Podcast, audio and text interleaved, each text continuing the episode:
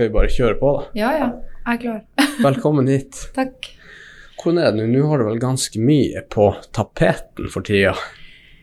Eh, både ja og nei, egentlig. Eh, jeg er jo litt sånn eh, klegg på, på han Jørgen akkurat for øyeblikket, når jeg har muligheten å, å henge på han og, og, lære av han og få litt innblikk i alt det han har holdt på med. Så jeg har eh, Ja, bruker mye tid på å sette meg inn i ting og få oversikt over både folk og saker og systemer og ja, hele, hele saksfeltet. Så på en måte ganske rolig fortsatt, fordi at jeg ikke har så mye ting jeg sjøl på en måte har fulgt opp over tid, men samtidig ganske fulgt opp med å prøve å få, få oversikt over alt det som skjer. Mm. Hvor lenge er den perioden dere overlapper? Eh, Ca. et halvt år fra jeg starta, så han eh, Jørgen skal jo jobbe ut eh, mars mm. 2023. Så vi har, vi har, jo relativt god tid på oss da, i lag. Mm vil du få muligheten til å kunne ringe han da etter han har slutta helt? Ja, det regner jeg nå med. Han, eh, han har noen planer med hva han skal holde på med ute i Kviby, med både sauer og biler og alt, så, eh, så det er ikke sikkert han sitter, sitter klar til å ta telefonen, men eh, han er nok tilgjengelig for eventuelle ting som skulle dukke opp også etter at han er ferdig. Det er jeg ganske trygg på. Ja, han har jo vært der en ganske lang periode, siden uka over 30, 30 år nå. Over 30 år, ja. ja. Mm. Det er nok skjønner at man kanskje har lyst til å pensjonere seg etter det. ja, det er jo eh, Det blir nok en overgang også, for han, han har, jo hatt, eh, har jo et eh, vanvittig innblikk i alt som skjer rundt omkring, og et stort nettverk. Så det er klart at han har jo vært superviktig for det som har skjedd på næringssida i kommunen over ja, en mannsalder, rett og slett. Um, så det, det, er nok sikkert en overgang å gå fra å være, være inn i så mye forskjellige prosesser og saker til å ja, kunne senke skuldrene og gjøre ting man, eh, man sjøl har lyst til hele tida. Eh, men det blir nok bra for han også. Er det mye sånn overføringsverdi fra fiberbransjen du kan ta med i den nye jobben? Eh, kanskje ikke direkte fra fiber eh, og det, det, vi driver på med der i form av kabler og, og den tekniske biten. Men eh, jeg har jo vært i kraftlager lenge. Jeg jeg jo, har vært totalt i 15 år og vært innom mange forskjellige av de virksomhetsområdene som kraftlaget driver med. Og eh, overføringsverdien går jo kanskje mest på det at man driver i bunn og grunn med mye av det samme. Det, det handler om samfunnsutvikling og legge til rette for at samfunnet vi bor og lever i, eh, skal kunne utvikle seg, og at vi skal kunne ha et godt næringsliv, sånn at vi har gode, attraktive arbeidsplasser, og at vi kan leve et bra liv også utenfor jobben. Og Det er jo det kraftlaget også gjør, og som jeg får lov til å gjøre i kanskje en enda sånn bredere eh, form da i kommunen. Sånn at eh, på en måte den verdiene er litt sånn det samme, for det om kanskje ikke oppgavene er helt like. Eh, og så er det jo det handler jo om altså, forretningsdrift, forretningsutvikling, og det er jo mye sånne type ting som, som, man tar med seg, og som man får bruk for egentlig veldig mange forskjellige roller. Mm. Hva er den største utfordringa du møtte i Alta Kraftlag, den sånn karrieremessig? Å, det vet jeg ikke om jeg klarer å si én ting. Eh, oi, det, det, var et uh, veldig vanskelig spørsmål, faktisk. Um, vi har den, den, ene Jeg begynte jo der med å skulle kommersialisere Kraftlaget sin satsing på fiber. Eh, og det var jo en, en eh, utfordrende prosess, det å skulle ta noe man hadde gjort på en måte på sånn utprøvningsbasis over i en eh, form der det er salgbart. Um, og det var jo det å bygge opp rutiner og systemer og produkter, ikke sant, hvordan, og knytta til leveranse fra A til Å. Eh, og det jo, var jo utfordrende i seg sjøl. Eh, og så har jeg jo vært innom AMS-prosjektet der vi skulle bytte målere i, i alle bygg, alle anlegg der vi leverte strøm i hele vårt forsyningsområde. og Det betyr at vi måtte fysisk inn til ca. 13 000 kunder. Eller ikke ulike kunder, men 13 000 anlegg, da. Med alt det medførte å få tak i kundene og komme seg inn til dem. Um, så det var jo et sånn Jeg kalte det for et stort omdømmeprosjekt. Og det å bygge opp den prosjektorganisasjonen helt fra scratch, det var jo også en veldig eh, spennende sak, da, og som var ganske krevende, der vi bl.a. gjorde en svær anskaffelse på det tekniske utstyret sammen med fem andre nettselskaper i Nord-Troms og Troms og Finnmark.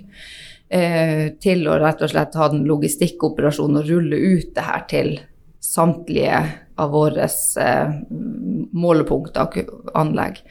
Um, så det var jo en sånn utfordring der jeg fikk testa litt sånn utholdenhet. For det er sånn prosjekt som går over kanskje fem, seks, syv år, så blir man jo mm. litt sånn Du stanger hodet i veggen noen ganger, og så får du noe gjennombrudd, og så er det liksom det der å stå i det på en måte helt til man har, er helt ferdig. Um, og nå sist så har vi jo også i Kraftlag gjort en veldig stor omorganisering der vi har måttet gått inn i en konsernstruktur og delt opp uh, virksomheten vår i ulike datterselskaper.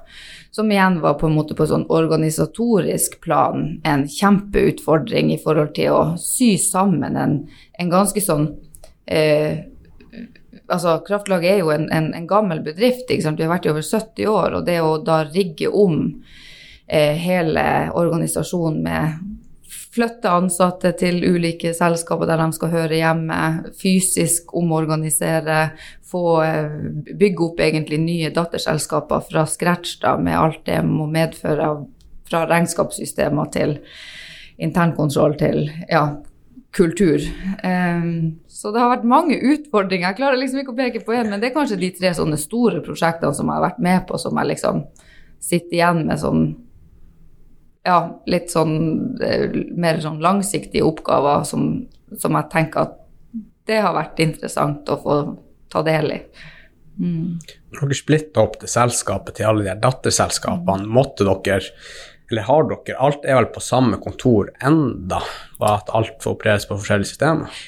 Eh, ja, vi, vi, holder jo til i, i felles administrasjonsbygg. Mm. Eh, men selskapene er jo si, lokalisert på ulike plasser i bygget. Så det var jo mm. en av de tingene vi gjorde med at vi hadde en ombygging der man tilpassa lokalene til de ulike selskapene, der de ansatte ble plassert fysisk i lag, avhengig av hvilke selskap de hørte til. Og, så det var en del flytting internt, da. Men eh, det har vært i den prosessen så var det også veldig viktig at vi beholdt på en måte ett kraftlag. At man, at man beholdt denne felles, både kulturen og, og miljøet da, som eh, som har alltid, i hvert fall den tida jeg har vært der, opplevd som veldig, veldig bra.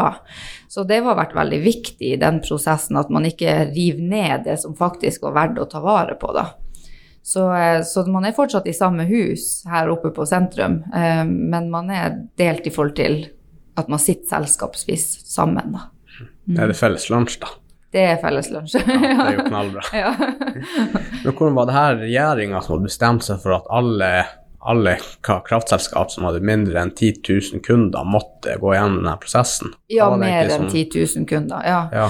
Ja, så Alta kraftlag havna jo over det, da. Ja. Eh, og var dermed nødt til å gjøre det som altså både en sånn Det var en sånn todelt greie. Det var et eh, selskapsmessig skille, eh, som egentlig handler mest om de formalitetene, da, og, og ja, oppsplitting av regnskap og, og, alt det formelle og administrative. Men så var det også en, eh, et annet si, skille som gjør at du er nødt til å eh, ha ulik ledelse i de enkelte selskapene. Og så var det en del forskrifter som også gikk inn på at spesielt nettselskapet ikke har lov til å profilere seg eh, på noen måte som kan eh, knyttes opp mot de andre eh, konsernselskapene. Mm. Sånn at alt av navn, profil, den type ting eh, var nødt til å endres.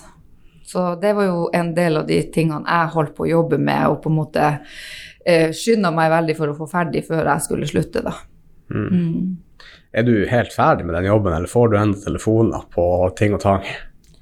Eh, det er fascinerende det der at man, når man på en måte er ferdig og går ut døra, så er man liksom ferdig. Eh, mm. jeg, jeg er jo veldig glad i kraftlaget. Jeg har hatt en fantastisk arbeidsplass i veldig mange år med utrolig bra kollegaer og ja, fått lov til å ha ulike jobber innenfor samme, samme konsern um, i mange omganger. Men, uh, men, det er noe med det der at når du mentalt på en måte har avslutta, så, uh, så, så blir man på et eller annet vis ferdig. Uh, men det er klart at jeg får jo fortsatt folk som ringer meg på mitt samme Jeg har jo samme telefonnummer og sånn, mm. men da er det jo bare å henvise dem videre til, til riktig person. Så det, det, skal jo ikke være noe sammenblanding heller mellom de ulike rollene jeg har, så det er jeg jo litt opptatt av at jeg, skal ikke, jeg er ikke sånn her, jeg blir ikke sånn her han er syvende far i huset samtidig som jeg har gått inn i en, en annen jobb. Mm. Er hva er det første du gjorde når du begynte i kraftlaget? Hva er den første jobb inn i kraftlaget? Ja, det var jo akkurat det med det fiber. Jeg begynte jo som ah. markedsleder på fiber da, så det var jo ja. det å kommersialisere og på en måte gjøre det, de tjenestene, fibertjenestene salgbar.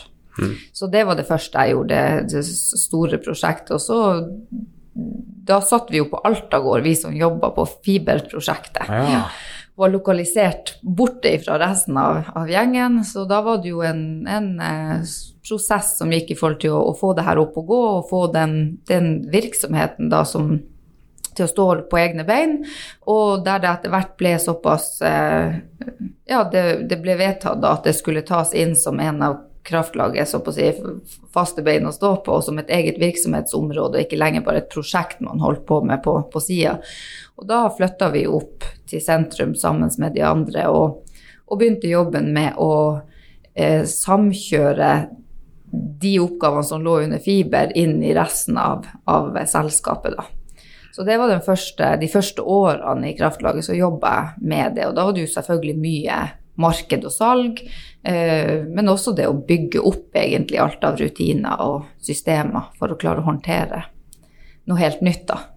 For dere hadde ikke noe sånn Coax-nettverk liggende som dere hadde fått erfaring fra? Dere var rett fra scratch og fra, ja, fra, helt, fra start. Dere måtte legge alle fibrene, og alt måtte gjøres fra scratch. Yep. Når jeg begynte der, så hadde de jo kjørt sånn pilot, et pilotprosjekt. da. Eh, så de hadde bygd ut en del fiber sånn fysisk med kabler i bakken og begynte å på en måte bygge opp nettet med alt av, eh, av eh, teknikk og i det hele tatt. Altså, det var, men det var, ble bygd fra scratch, og det har jo også vært en av de store styrkene, at man, at man begynte helt fra, fra scratch. Mm. Eh, man trengte ikke å ta med seg noen eh, tidligere teknologier eller noe sånt som man var nødt til å samkjøre. Sånn at eh, eh, der, der, var det gjort en jobb med, med det, det, fysiske, spesielt utbygginga når jeg kom, og så var det jo det å, å sette fart på det, rett og slett, og få eh, de første fire-fem årene jeg var der, så var det jo en vanvittig fart i utbygginga der vi bygde ut område for område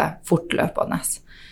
Så, så det var litt det, Og når det står på sånne, sånne, ting, og spesielt når det gjelder infrastruktur, så, så er det, det, det, er mye arbeid, og det er mange aktører i sving, og det er både internt og eksternt. Så det, var mye armer og bein i en lang periode med ja, å få bygd ut i hele Sentral-Alta, og store deler av distriktene også, som vi har gjort. Mm jeg kan tenke meg det er litt å ha kontroll på. Ja, men det er jo veldig gøy, da. Det er jo, det er jo på en måte Du, du gjør jo ting som, som, ikke har vært gjort før, og som du ser har betydning. ikke sant? Sånn som Burfjord, eller Kvænangen kommune, da var jo veldig offensivt og tidlig ute med å søke midler, statlige midler til bredbåndsutbygging. Eh, og gikk også inn med ganske mye sjøl, eh, og satsa ganske stort på det. sånn at Kvænangen kommune ble veldig tidlig godt utbygd. Og det har jo også bidratt til at det er mulig å jobbe derifra, eh, for det om kanskje ikke arbeidsgiveren din er akkurat der. Så det gir jo noen mm. muligheter. Og du ser jo at det, altså, i dag så er det jo sånn at, eh, at eh, internett blir jo sett på som en like viktig del av infrastrukturen som f.eks. strøm. Eh, på kraftlaget så var det faktisk sånn at når nettet gikk, altså når internettet gikk ned, så hadde vi større telefonstorm enn hvis ah, strømmen gikk. Ikke sant, ja. så, så, det er jo litt interessant. altså det på en måte, er, De er likestilt eh, mm. nesten mm. i dag. For det om du kanskje, hvis du tenker sånn logisk over det, så kunne du klart deg lenger uten internett enn en strøm. Ja, men, egentlig. Men følelsen når du sitter der hjemme, så, så er det så, er det vel ja, minst like viktig å ha det nettet på plass. I hvert fall hvis du har tenåringer hjemme, sånn som jeg har. Ja. Det er jo bare å fyre peisen og fortsette å sitte på internett, så er man Ja, fornøyd. ikke sant. ja. Men hva du gjorde før du kom inn i kraftlaget? Eh, ja, da, da må du se tilbake, da var jeg jo ganske ung, da. Så eh, jeg hadde Jeg jobba på hadde et engasjement på Adecco, som fortsatt var her i Alta, der jeg jobba med jo Mette Surberg. Hva var Dekko? Eh, som bemanningsbyrå, der Ah. Mette var leder, og jeg jobba som, eh, som rådgiver da, eller personalkonsulent en periode før jeg begynte i Kraftlaget. Og før det så har jeg var en del år på Spenst, eh, der jeg hadde forskjellige roller, men jeg var bl.a. avdelingsleder på, i resepsjonen og gjorde en del administrativt knytta til som medlemskonsulent osv. Men og i stor grad parallelt med at jeg gjorde meg ferdig med studier og sånn, da. Mm. Så var du noen som instruktør noen gang der? Ja, det har jeg òg vært. Jeg var instruktør i en tiårsperiode, Ah, ja, såpass. Ja, nede på Mens Spenst enda var i kjelleren. Så, men jeg ble Ja, på amfi, amfi, ja. Mm. sant? Ja. Men jeg ble effektivt stoppa av en kneoperasjon der, så Ah, ikke sant? ja. Det er jo litt kjedelig, da. Ja da. Men det, sånn er det. Det begynner å skrante etter hvert, så da, da må man bare kjenne etter hvilke begrensninger man har. Ja. Mm. Men da har du jo gjort ganske mye forskjellig opp gjennom tida.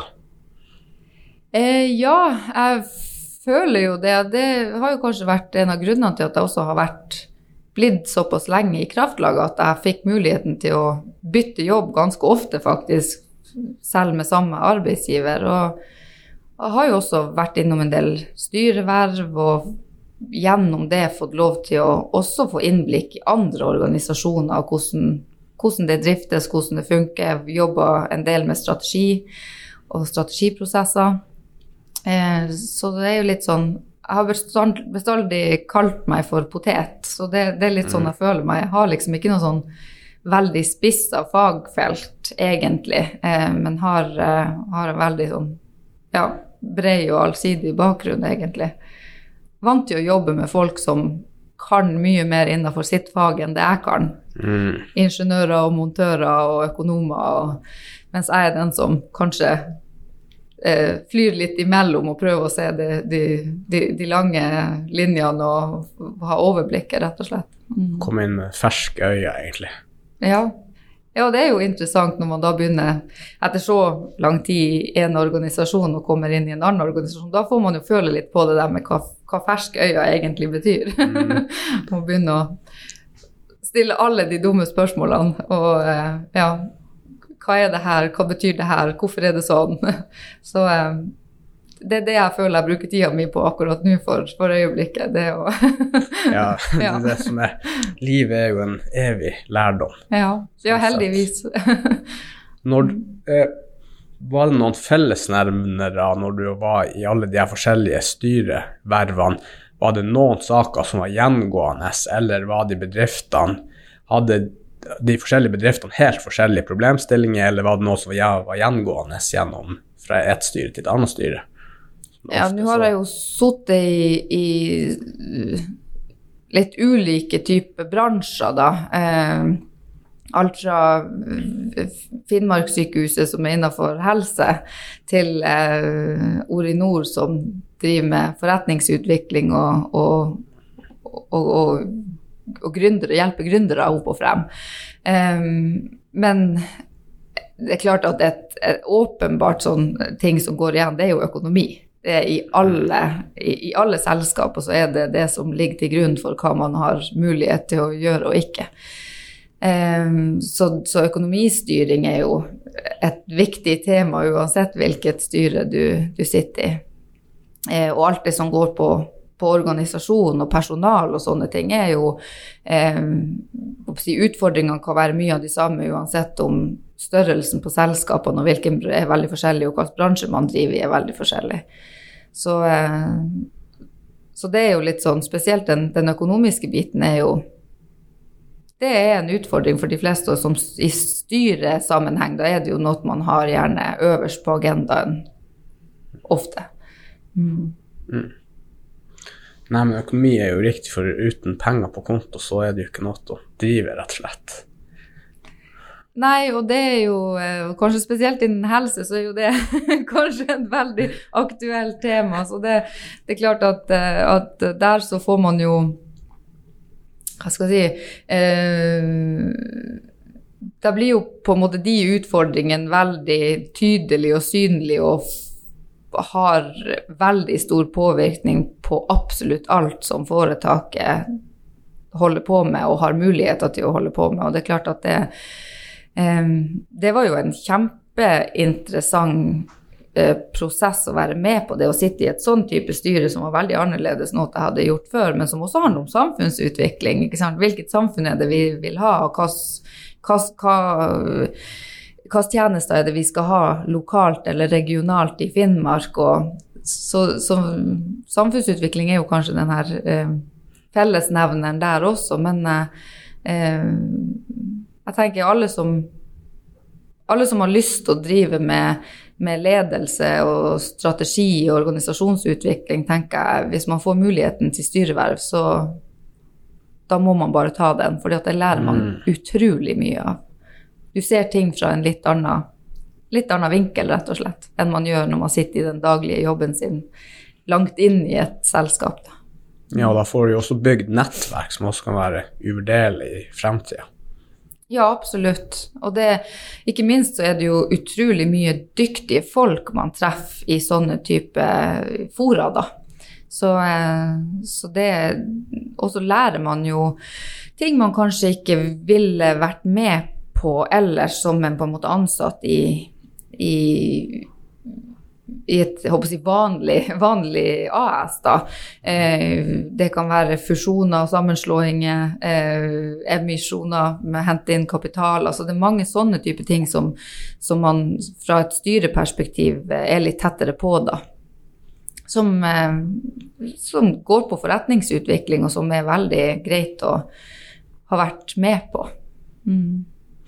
Når det kommer til utdanning, syns du den utdanninga du tok eh, har vært verdifull når du har jobba i de jobbene du har jobba, og hvordan, nei, hvordan, utdanning har du?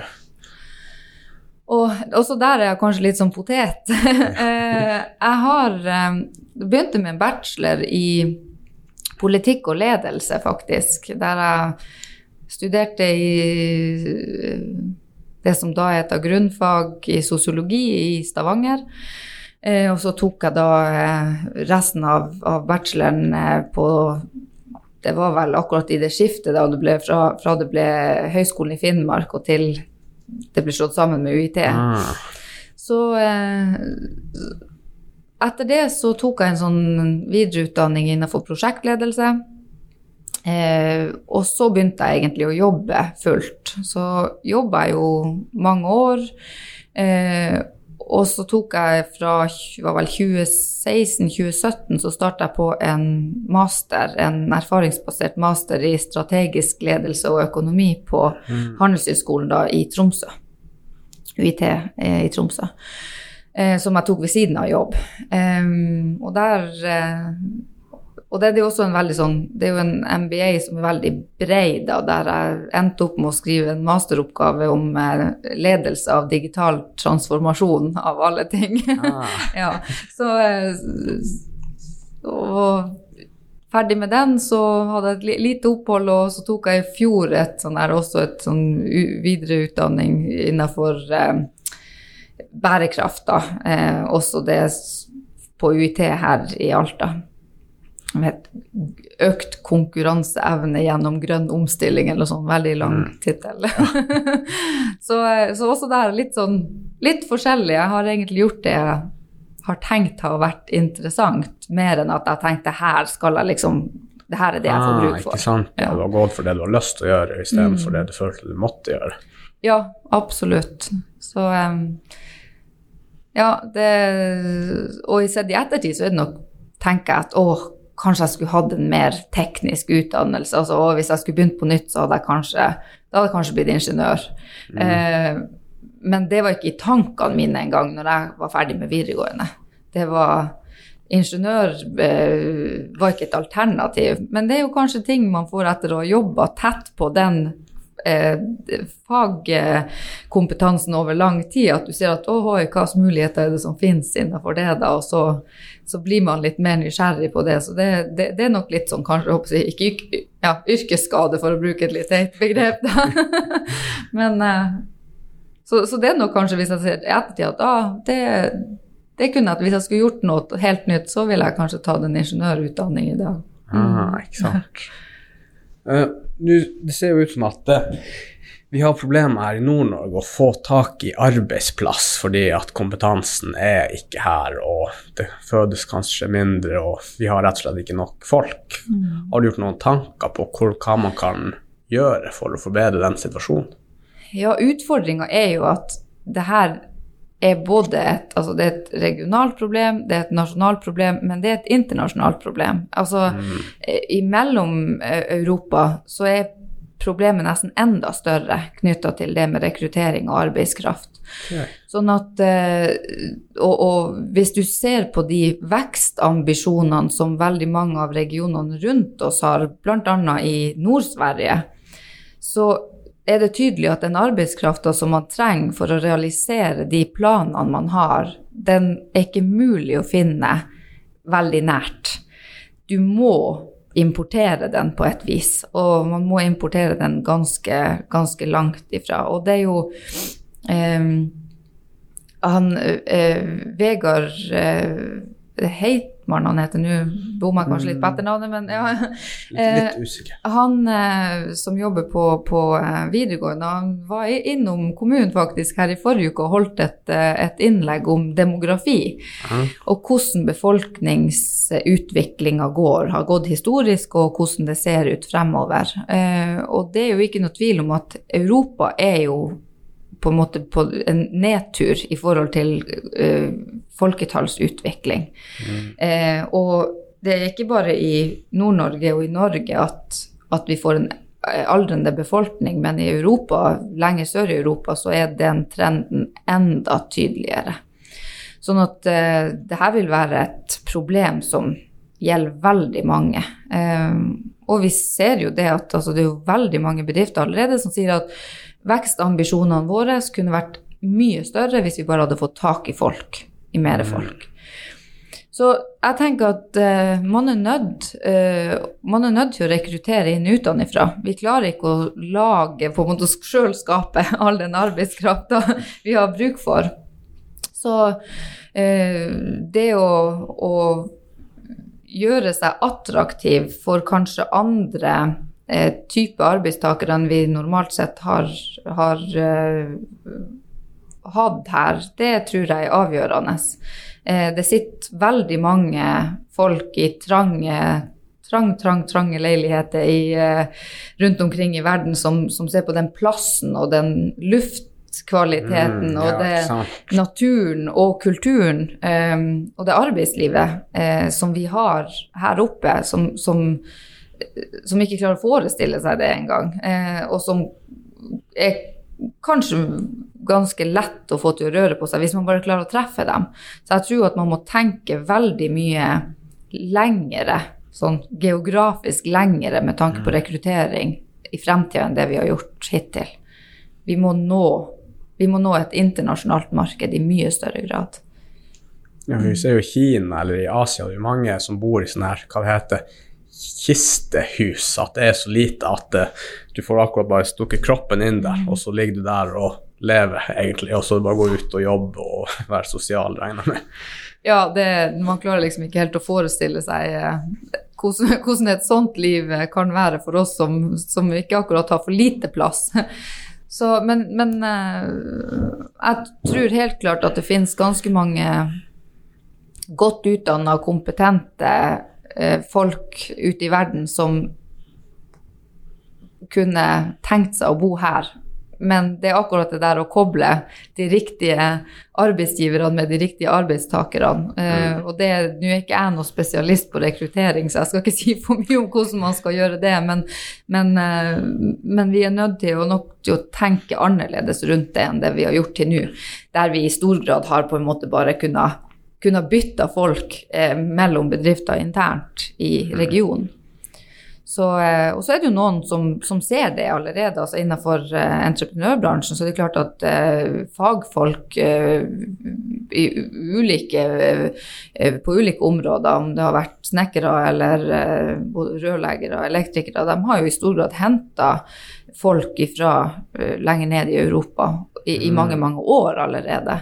Um, vi ser innenfor IT og tech-miljøene så blir det veldig mye vanligere å, å, rekruttere internasjonalt fordi at det er så trangt marked i Norge.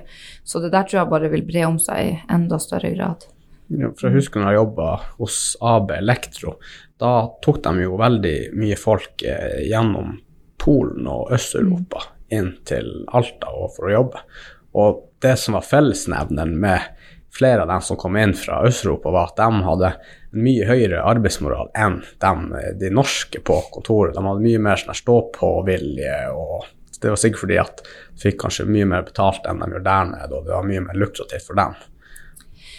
Ja, det er klart at det Og det er jo eh, helt Altså, det norske arbeidslivet er jo unikt. Eh, den modellen vi har, altså den norske modellen på en måte med det trepartssamarbeidet der, der arbeidstakerorganisasjonene har såpass stor innflytelse som de har, den tror jeg vi skal verne veldig kraftig om. Eh, for det er jo en del av det som gjør at at vi kan leve gode liv her. ikke sant? Altså det, eh, det, du skal ikke så langt unna der eh, arbeidsdagene er betydelig mye lengre. Eh, fritida er betydelig korta inn. Mm. Livet er ganske mye tøffere hvis du har familie og ja, det er veldig mange andre, og også i de fleste andre landene i Europa, som ser ungene sine bl.a. veldig mye mindre enn det vi norske foreldre gjør. Så, sånn at eh, det har jo vært Norge blir jo sett til når det gjelder akkurat det med den, den modellen vi har her i arbeidslivet. Um, og den blir utfordra hele tida. Um, men det er jo også noe av det jeg tror gjør at vi er et attraktivt land å komme til som arbeidstaker fra et annet land. Eh, som kanskje er en av våre store konkurransefortrinn, da. Mm.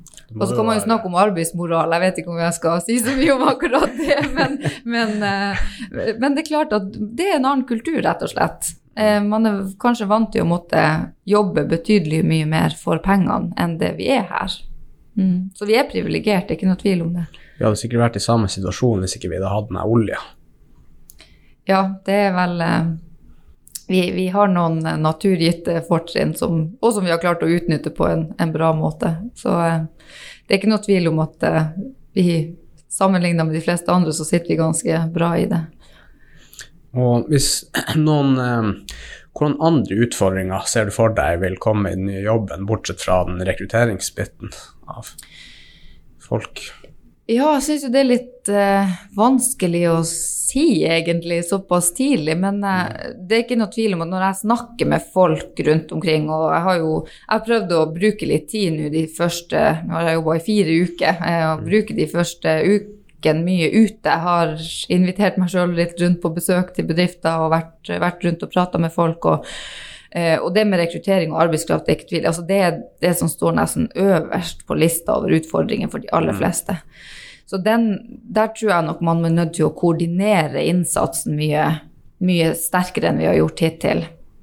Eh, ellers så er det jo Det skjer mye på mange områder om dagen. Altså det med kraftsituasjonen er jo en, en kjempevanskelig nøtt akkurat nå. Altså det, eh, sånn som det er akkurat i dag, så er den mangelen på eh, kraft eh, en skikkelig brems i forhold til å få næringsutvikling i Finnmark spesielt. Eh, og det gjelder hele Finnmark. Eh, det er ikke bare Øst-Finnmark, men altså det er all kraft er, eh, er, er eh, reservert, eh, og store industriprosjekter får, får, nei fordi at man ikke har man ikke har mulighet til å, å, å dele ut mer rett og slett nettilknytning. Så, så, der er det noe som er nødt til å, å, jobbes mer med og jobbes politisk med da, for å løse. Eh, og det samme med Altså, vi kan jo det er ikke noe tvil om at vi må produsere mer kraft også i Finnmark for å kunne dekke fremtidas behov. Eh, så det med nettutbygging er selvfølgelig også viktig. Nå blir jo en sånn her eh, sammenfallende greie for min nye jobb og min gamle jobb, men, men, Mm, ja. men det kommer til å, å være et tema ganske lang tid fremover. Um, ellers så det jo, går det jo bra for næringslivet i, i Nord-Norge, og Alta spesielt. Eh, vi er jo superheldige på den måten. Altså, pilene peker jo oppover. Um, så det er litt sånn vanskelig å si hva utfordringene kommer til å være. Men jeg tror jo noe av det vi må ha fokus på, i hvert fall, er jo også å løfte de litt nye næringene. Eh, vi har ganske mange arbeidsplasser i Alta i dag innenfor tech, f.eks. Teknologi. Og eh, det å, å løfte den næringa eh, De driver med eksport eh, i ganske stort monn. Eh, vi har en del bedrifter som har gjort det veldig bra, og som eksporterer for tjenester, eller ja, tjenester blir det veldig stor grad for svimlende summer, altså. Så det å på en måte ja, legge til rette for at også de næringene skal lykkes fremover, det tror jeg blir kjempeviktig. Vi har noen store, solide næringer i regionen, innenfor, spesielt innenfor entreprenørbransjen, byggebransjen, eh, innenfor havbruk. Eh, dem, der er det gjort en formidabel jobb, og det å klare å sørge for at den samme utviklinga skjer også innenfor en del andre bransjer, tror jeg blir viktig. Ser du noe fare for at, eh, at vi kommer til å miste vår konkurransekraft innen oppdrettsnæringa hvis denne grunnrenteskatten blir innført? Kan det være at det blir outsourcet i Canada og andre plasser? Ja, den store faren er jo i stor grad knytta til den usikkerheten som skapes i forhold til å inn, altså, hvor sikkert det er å investere i norsk oppdrett. Eh, og det her er jo et nasjonalt TV, altså på nasjonalt nivå, da. Det er jo ikke noe som angår bare oss, men det er klart at vi ser jo det allerede, at uh, prosjekter er stoppa. Uh, lagt på is i påvente av hva som skjer. Uh, vi ser at eh, næringa eh, sliter med å, eh, å, å, å selge, rett og slett, fordi at det er så usikkert ikke sant, fremover hva som skjer. Eh, så det, det, det er ikke noe tvil om at det er en sånn her er, eh, en periode der jeg tror alle er veldig spent på hva som kommer til å skje, hva man kommer til å lande på. Nå er det jo eh, ute på høring, eh, og så skal jo det settes faktisk i verk de nye regelverket fra 1.1, før Mm, høringa egentlig ja. er ferdig. Ah, ja. Så, så de prosessene er jo litt sånn litt, litt rar rekkefølge på. Men, eh, men det er klart at ja, hvordan utviklinga blir der fremover, er helt klart avhengig av hva som skjer i akkurat den saken.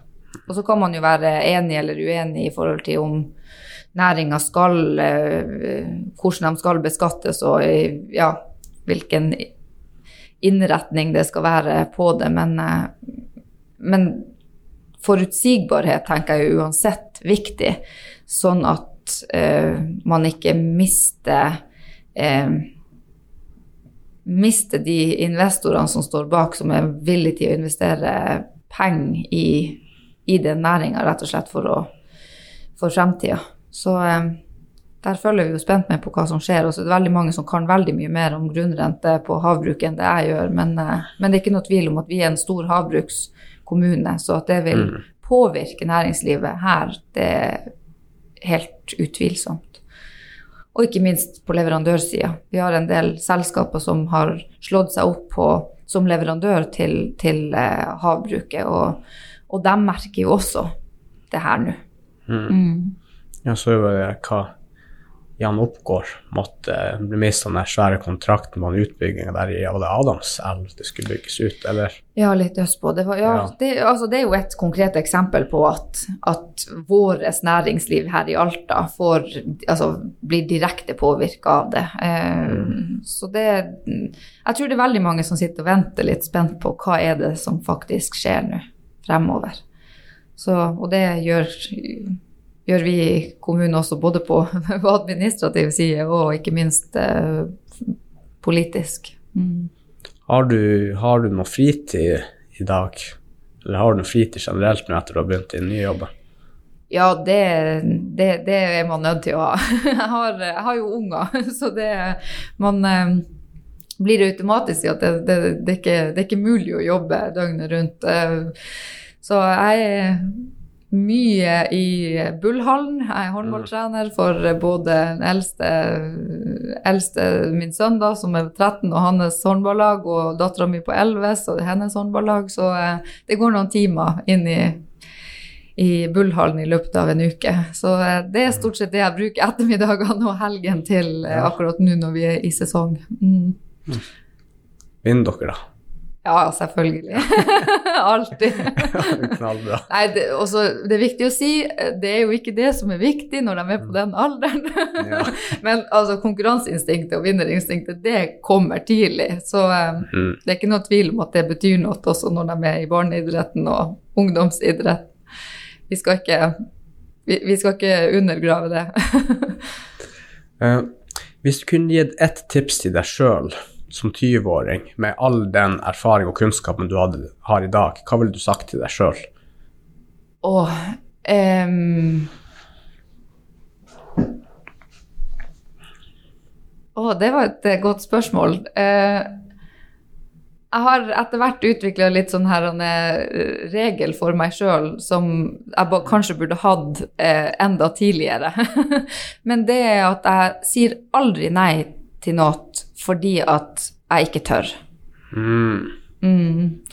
Det er det er lov å si nei fordi at man ikke kjenner at det her har jeg virkelig ikke lyst til, mm. eller at det her eh, eh Nei, det her passer ikke, det er ikke riktig for meg. Eller altså Hvis det er be godt begrunna, så er det helt greit, og man skal si nei. Eh, det er viktig, det er en viktig egenskap. Men å si nei til utfordringer man får, eller ting man får spørsmål om å være med på fordi at man kjenner at man er usikker, eller er jeg flink nok til det her, eller kan jeg det her godt nok, eller det har jeg slutta med. Det er, mm. det er ikke lov å si nei fordi at man ikke tør. Nei, det, er det, er lov å si nei fordi man ikke har lyst, men ja. ikke for at man ikke tør. Skriver du ned reglene? Nei, jeg har ikke så veldig mange sånne leveregler. Så det. men, men, det er jo noe som har kommet med årene, og det tenker jeg, det, det burde man kanskje det, det, burde jeg kanskje hatt fra jeg var 20, da. Men eh, det er jo noe man ser at altså, det er ikke farlig.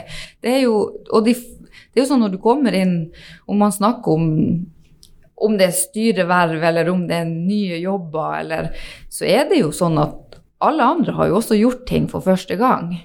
Eh, og man kommer veldig langt med å spørre og være ærlig. Si at å, det her har jeg ikke vært borti før, det her kan jeg ikke.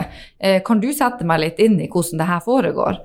Det er ekstremt mange, de aller, aller fleste, er veldig velvillige til å, å, bidra med sin kunnskap når det er noe du sjøl ikke kan. Så jeg tenker der, det å, å, tørre å si det, og tørre å være ydmyk, at eh, og ikke late som at man kan fordi at man er redd for å mislykkes. ikke sant? Da er det mye bedre å være ærlig på det. Så det her, det her kan ikke jeg nok om. Eh, da må man søke den kunnskapen hos noen som kan det. Eh, og de aller fleste blir jo glad for å få lære bort ting. Mm. så eh, nei, så jeg, jeg slutter å si nei fordi at jeg ikke tør. ja, det, er en veldig bra regel.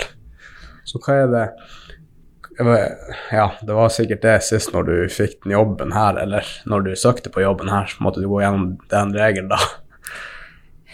Ja, men nå sitter den jo etter å liksom ha måttet gått noen runder opp gjennom årene med det der. Hvorfor, hvorfor jeg liksom tenker at jeg ikke skal det her? Er det fordi at jeg ikke har lyst, eller er det fordi at jeg er redd for at jeg ikke mestrer det, eller at jeg ikke tør det her?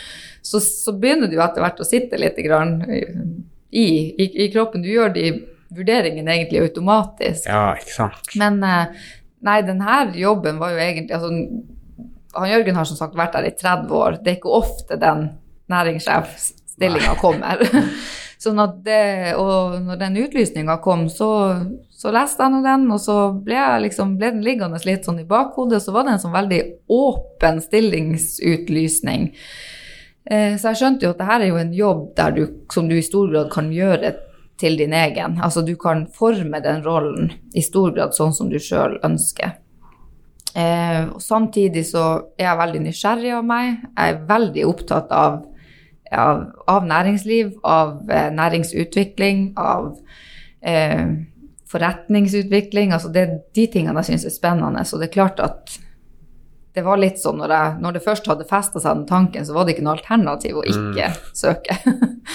så, så er jeg jo veldig glad for at jeg fikk den, da. Så det er jo så er det sikkert mange som lurer på ja, hva er det egentlig? Og det er litt sånn, hva, hva gjør egentlig en næringssjef? Og, og, for å være helt ærlig, så er jeg litt der fortsatt, jeg også. Det er jo, tenker jeg, litt ting som blir til mens man, mens man lærer, og mens ja, veien blir til mens man går. Men for min del er det jo litt viktig å, å være det bindeleddet mellom næringslivet og kommunen, og ikke minst at være på en måte kommunens lyttepost liksom litt ute i næringslivet. Hva er det som skjer, hvilke utfordringer er det nå, hva er det vi er nødt til å være med og bidra til, eller hvor er det vi må gå inn lam i enkelte aktører eller næringslivet for å, å løfte i lag, da.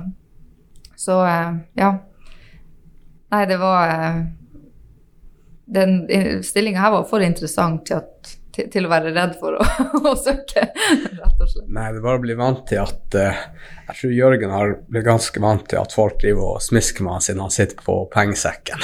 Så det er bare å bli vant til nå òg. Ja, men det er jo også kanskje en litt sånn misoppfatning. Det er jo det, det er veldig lite av det vi gjør, handler egentlig om penger.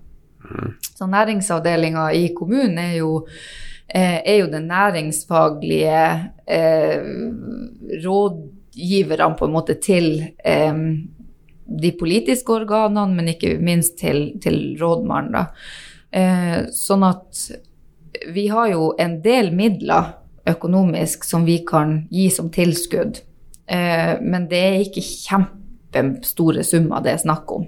Mm. Eh, så vi prøver jo å støtte opp om gode prosjekter og gode initiativ. Eh, og som skaper kanskje noe mer enn Altså som har ringvirkninger, da, til, til uh, Utover det, det, prosjektet isolert sett, liksom. Men som Og gjerne samarbeidsprosjekter er vi veldig interessert i å kunne være med og realisere. Altså hvis det er flere eh, selskap eller deler av næringslivet som går sammen for å få til noe så, så, er kommunen veldig velvillig til å være med og, og bidra inn i sånne fora. Um, et eksempel i dag skal jeg på en samling med Havklynga, som jo er, en, er, akkurat en sånn koalisjon på en måte mellom eh, selskaper innenfor samme bransje som, som, ønsker å i lag bli, bli, bedre og oppnå noe mer enn kanskje de klarer hver for seg. Um, og der er jo kommunen inne som en støttespiller, da.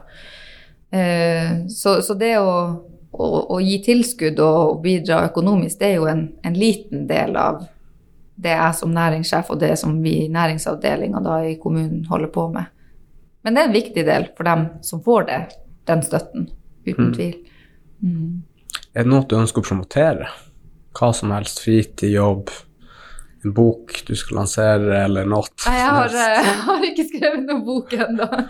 Nei, det er jo eh, Altså, alt er jo en eh, har et fantastisk næringsliv, så jeg ønsker jo egentlig og når man kommer inn i denne jobben og, og virkelig begynner å prate med folk og kommer litt ut og og, og snakke kanskje med aktører som ikke har vært i så tett kontakt med tidligere, så, så, blir jeg jo veldig imponert. Så jeg tenker hvis jeg skal på en måte promotere noe, så er det jo egentlig litt sånn her eh, Ja, virkelig klapp på skuldra til alle dem, eh, de selskapene og bedriftene og, og gründere og næringslivsledere der i, i kommunen vår som, som ja, virkelig eh, har fått ting til å skje i, eh, i denne kommunen de siste, siste ja, over flere tiår, egentlig.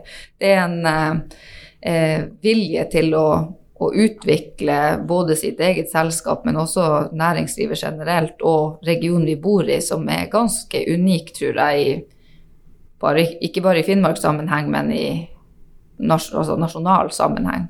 Så eh, jeg tenker at de kanskje fortjener, fortjener den fremsnakkinga i dag.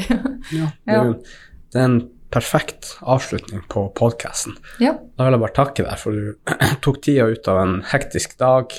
Kom og snakke litt her på podkast. Det var veldig hyggelig, og vi fikk faktisk et innblikk i ganske mye mer enn jeg hadde før jeg kom hit i dag, så takk for det.